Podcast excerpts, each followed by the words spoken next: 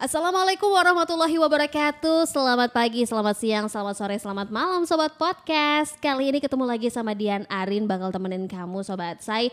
Tentunya kita bakal ngobrolin hal yang lagi viral Ataupun juga yang patut banget untuk diviralin di Anak Kidah Wah spesial banget pastinya karena gue gak sendirian. Gue bakal ngobrol sama salah satu penulis dari kolom nuansa Yang ada di lampungpost.id Dan temanya ini memang lagi hype banget, lagi trending dan juga jadi perhatian semua orang sedunia bahkan. Ini terkait dengan uh, tragedi dan juga insiden yang menerpa dunia sepak bola, tragedi Kanjuruhan. Nah, menemani gua kali ini sudah ada sang penulisnya, yaitu Bang Setiaji Bintang Pamungkas. Halo Bang Aji. Halo Arin. Gimana kabarnya Bang? Alhamdulillah sehat walafiat. Alhamdulillah. Wah Jumat kita berkah. Jumat berkah ya bener banget nih. Tapi memang uh, walaupun kita masuk ke Jumat biasanya kan kita menyambut weekend itu dengan happy pastinya ya Bang ya. Iya. Tapi ternyata di weekend lalu ada sebuah hal yang agak kurang mengenakan dalam dunia persepak bolaan tentang tragedi Kanjuruhan. Eh tapi sebelumnya gue mau tahu dulu kalau lo sendiri termasuk yang uh, hobi nggak main bola atau lo pengamat yang lumayan fans juga gitu?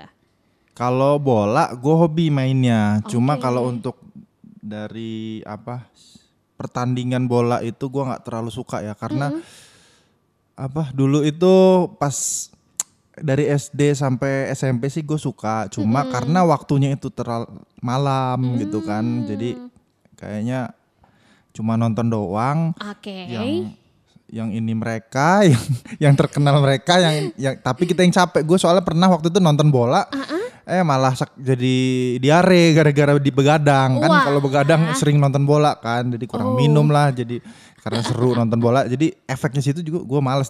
Tapi kalau untuk main bola futsal sama oke. bola lapangan besar itu ya gue gemar banget sih karena memang benar-benar keli- kerasa benefitnya buat badan Bener bener bener bener. Ada sebuah pengalaman yang kurang enakin kalau misalnya lu kudu eh, begadang gitulah ya intinya. Tapi kalau misalnya dari segi olahraganya sendiri lu demen karena memang dari segi olahraganya kan memang wah olah fisiknya nggak main-main ya kan. Nah tapi tentunya nih kalau kita ngelihat memang sepak bola ini termasuk olahraga besar ya bang ya. Dari jumlah pemainnya banyak. Kemudian juga dia melibatkan lapangan yang besar. Kemudian untuk penontonnya juga rame banget. Tapi kalau lo sendiri pernah nggak apa namanya mungkin nonton nih, nonton misalnya kan nggak harus nih lo begadang berarti kan di TV ya. Tapi kalau lo nonton langsung di stadion gitu ngerasain eh, euforianya gimana? gue pernah waktu itu di Stadion Sumpah Pemuda W Halim ya Rin.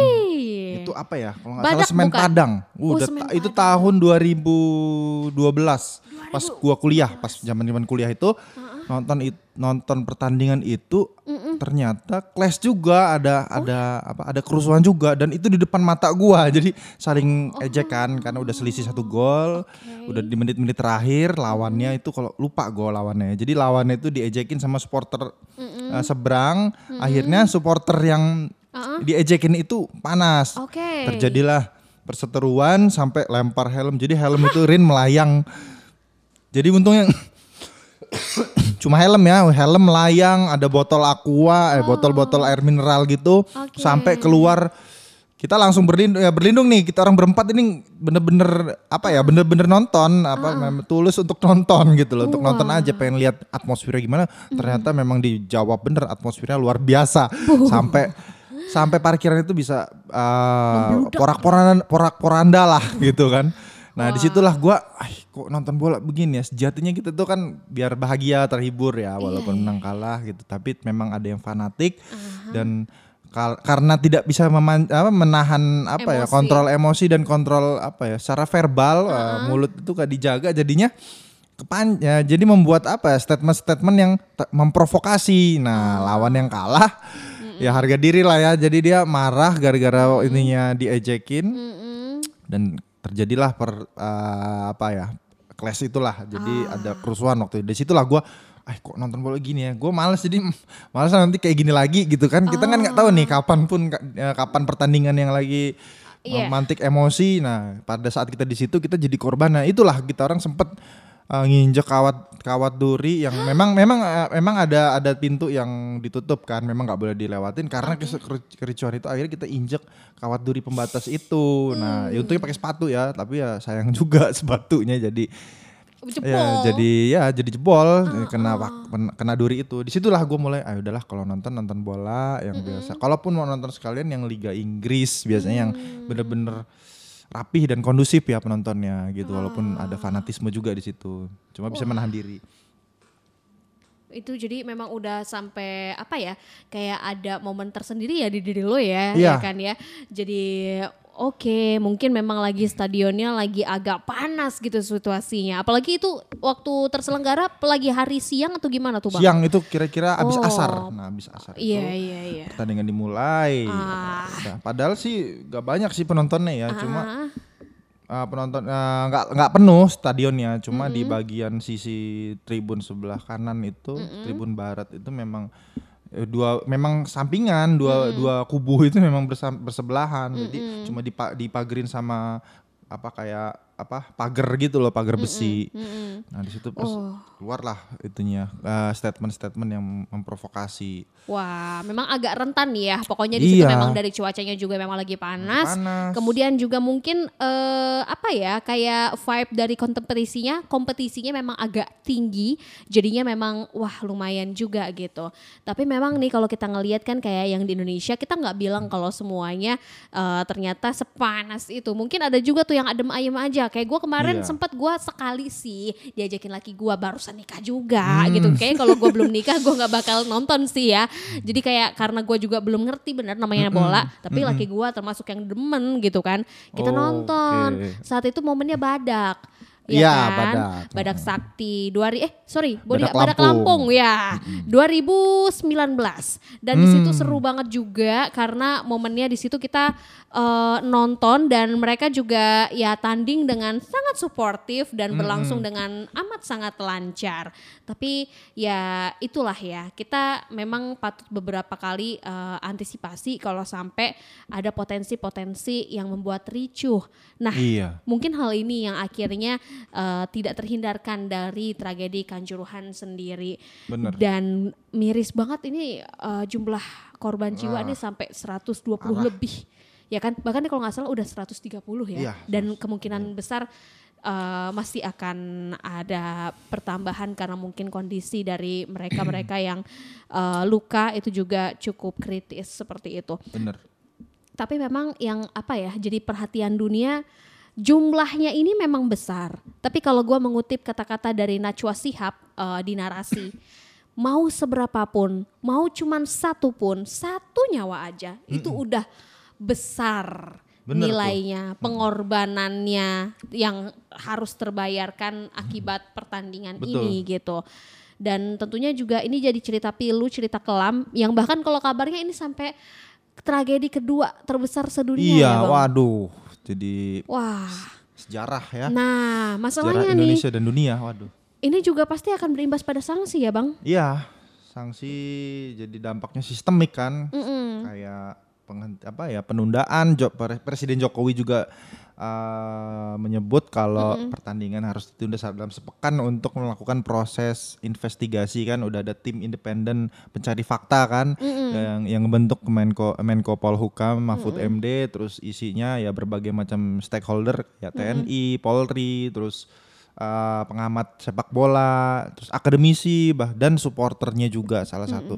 Sehingga uh, dampak ini karena memang sudah menjadi sorotan dunia dan ini memang benar-benar harus harus terakhir gitu ya. Makanya pemerintah menaruh uh, perhatian yang sangat besar sampai buat tim khusus untuk melakukan uh, melakukan apa penyelidikan dan penyidikan sehingga akhirnya kan sekarang ada berita terbaru itu udah ada tersangkanya kan. Nah, ter- ada enam tersangka tuh. Enam tersangka salah satunya direktur PT Liga Indonesia Baru Ahmad Hadian Lukita. Nah itu kan oke. Ya dia bertanggung jawab lah. Dia gue bilang si gentleman karena dia bertanggung jawab penuh terhadap apa ke- keadaan yang terjadi. Dan ada beberapa oknum aparat juga yang terjerat karena terjadi ada anarkisme sedikit anarkisme. Tapi di satu sisi juga eh ada ber- eh, aparat juga nggak sepenuhnya ada juga yang memang uh, melakukan langsung melakukan uh, proses pertolongan pertama ketika melihat adanya supporter yang terlantar apa mm terkena gas air mata mm. dan terinjak-injak kan waktu mm itu kondisinya memang crowded banget. Nah, itu ada juga ternyata TNI dan Polri sambil gotongin uh, supporter-supporter yang pingsan. Hmm. Nah itu mungkin memang belum terpublish dan ini pelan-pelan di medsos gue lihat sih udah kelihatan tuh proses apa. Jadi nggak jadi intinya adalah tidak bisa me memojokkan atau menyalahkan sat salah satu yeah. pihak, baik aparat maupun uh, maupun supporter yeah. juga pemerintah karena semua memang bener-bener punya apa peran untuk melakukan pencegahan itu gitu kan okay. kayak supporternya supporternya ya kalau bisa ketika kalah ya harus hmm. melakukan menerima, menerima ya. secara logowo dan melakukan supportnya kayak di apa liga-liga Inggris hmm. uh, yang memang kalau misalnya kalah dia malah memberikan uh, apresiasi untuk hmm. upaya dia melakukan uh, menyajikan pertandingan yang sportif hmm. gitu loh. Hmm. Jadi di, di level itulah kalau mungkin ya di sepak persepak bolaan negara-negara Eropa hmm. itu udah mulai apa ya udah mulai sadar lah walaupun ada fanatisme juga dan mm -hmm. itu kasuistik memang pernah terjadi apa kericuhan juga cuma nggak mm -hmm. nggak nggak banyak lah kalau kita kan hampir setiap liga kalau udah pertarungannya pertandingannya rival mm -hmm. itu bisa ribut kan ada aja Bener. ribut wasitnya di toyor nah itu Kemudian selain supporter yang harus menahan diri, ya, pemberi, uh -huh. ya aparat juga sebaiknya melakukan uh, tindakannya tidak tidak langsung menembakkan gas air mata ya menurut gue. Yeah. Karena kita nggak tahu tuh penonton-penonton kan ya kayak Arin kan nonton sama suami kan ada hmm. misalnya kondisinya lagi hamil kan kita nggak hmm. tahu hmm. uh, supporter-supporter yang nggak melakukan anarkisme nggak langsung turun ke lapangan ketika selesai bertanding hmm. itu malah kena imbasnya kemudian memang uh, di sisi penyelenggara juga harus melakukan uh, SOP lah me me memantapkan SOP-nya jadi ketika misalnya pertandingan itu kira-kira ini ini lawan si A lawan B ini bakal Potensi berpotensi ya. nih. Hmm. Nah, dikasih di waktu siang hari. Hmm, Terus kemudian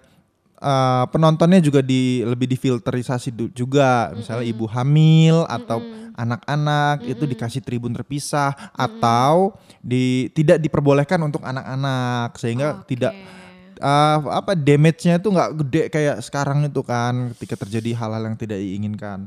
Ya jadi tiga pihak itu harus apa ya harus sama-sama mengevaluasi diri gitu kan. Sehingga pertandingan ini kita itu sebenarnya kan nonton itu buat ter, biar terhibur Betul. bukan untuk membuat nyawa terhambur. Nah jadinya kan Aduh jadi kayak nonton film horor. Jadi mau, mau nonton film komedi mau seru-seru malah berakhir kayak film horor. Jadi kepikiran jadi aduh apalagi yang ditinggalkan kan ini banget sih sedih banget gitu loh. Cuma kar karena nonton sepak bola mm kehilangan adik kakak anak mm istri. Mm aduh pokoknya bahkan sepasang kekasih juga ada yang iya. Meninggal dan sebagainya gitu Rin Wah, kalau ngeliatin pemberitaannya, apalagi uh, kisah ya daripada korban dan juga keluarga yang ditinggalkan, iya. itu semuanya miris-miris banget. Bahkan ada Bener. yang anaknya lagi nonton berdua di situ. Mm -mm. Jadi mohon maaf, anaknya dua-duanya meninggal. Jadi sampai ada iya. salah satu ayah ya yang sampai dia uh, menjerit gitu kan anakku anakku mati loro gitu kan. Mm -hmm. Terus ada juga yang memang masih anaknya masih kecil banget gitu kan. Sang ibu harus menangisi kepergian sang anak yang mungkin dalam niatan dia juga ingin memberikan uh, hiburan ya malam hari uh, mungkin sebelum besok udah aktif kerja gitu kan. Kemudian ngajak serta sang anak yang anaknya mungkin laki jadi kayak wah ini tontonan sepak bola biasanya anak laki-laki itu suka gitu yeah. kan. Ingin menyalurkan hobi kepada sang anak gitu loh tidak pernah kita tahu kapan mungkin ajal itu menjemput. Mm -mm. Tetapi uh, em memang sangat disayangkan segala hal yang itu tadi berpotensi menimbulkan kerusuhan. Di satu sisi tentu ini bisa menjadi evaluasi. Balik lagi iya, kata-kata evaluasi kita bersama. Terlebih uh, memang kita juga kalau melihat dunia persepak bolaan kabarnya justru memang lagi baik-baiknya gitu ya Bang ya. Dan kita butuhkan juga support supaya tentunya sang petanding-petanding ini bisa dengan uh, semangat juga tentunya untuk memperjuangkan daerahnya masing-masing. Iya. Nah, tentunya gue pengen tahu sih Bang, mungkin uh, kita semuanya bisa berkomentar, tapi mm -mm. satu hal uh, setidaknya ini juga bisa ikut mengedukasi, mensosialisasi rekomendasikan juga kepada masyarakat kita untuk tidak sampai terjadi lagi kasus-kasus serupa. Kalau mungkin dari lo sendiri ada mungkin pelajaran ataupun juga rekomendasi apa yang bisa lo berikan? Iya, uh, pesan gua sih secara pribadi kalau ya mindset lagi ya hmm. bahwa setiap pertandingan olahraga itu sifatnya hiburan, entertain hmm. lah bisa dikatakan entertain dan menjunjung tinggi sportivitas. Nah itulah junjung tinggi sportivitas kalau okay. namanya udah udah olahraga kan. Okay. Jadi memang bukan hanya sportivitas itu bukan hanya untuk uh, pemainnya, mm -mm. tapi juga para pendukungnya sehingga memang kita harus uh, untuk ini adalah titik titik uh, titik uh, pijakan untuk para supporter dan masyarakat di Indonesia semakin mendewasakan diri, mm -hmm. terutama di bidang olahraga mm -hmm. dan ya, khususnya sepak bola. Mm -hmm.